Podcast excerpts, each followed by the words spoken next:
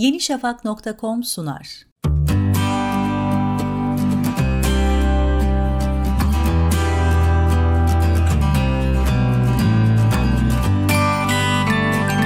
Hollanda-Belçika sınırı düzeniyle dikkat çekiyor. Örneğin sınırın bir yanında Hollanda'ya ait Berli Nesa, diğer yanında ise Belçika'ya ait Berli Hörtak belediyesi bulunmaktadır.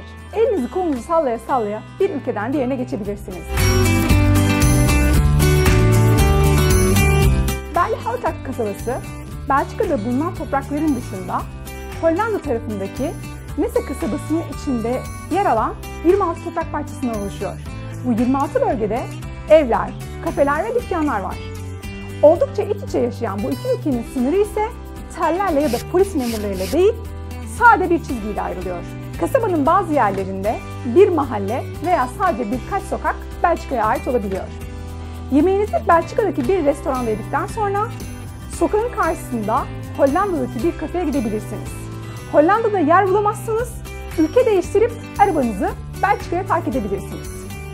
Sabah sporunuza Belçika'dan başlayıp Hollanda'da tamamlayabilirsiniz. Herhangi bir ulaşım aracı kullanmadan bir adımda ülke değiştirebilirsiniz. Mesela Champs Sokağı 10. adresteki evin yarısı Hollanda'da, yarısı Belçika topraklarında. Kıyafetinizi Belçika'da giyinip televizyonunuzu Hollanda'da izlemeniz de mümkün. Kapı numaralarının yanına iliştirilen bayraklarla evlerin hangi ülke sınırlarında olduğu anlaşılabiliyor. İnsanlar her gün başka bir ülkeye çalışmaya gidip akşam tekrar kendi ülkelerine dönebiliyor. Bir diğer garip sınırda görüşmek üzere. yenişafak.com sundu.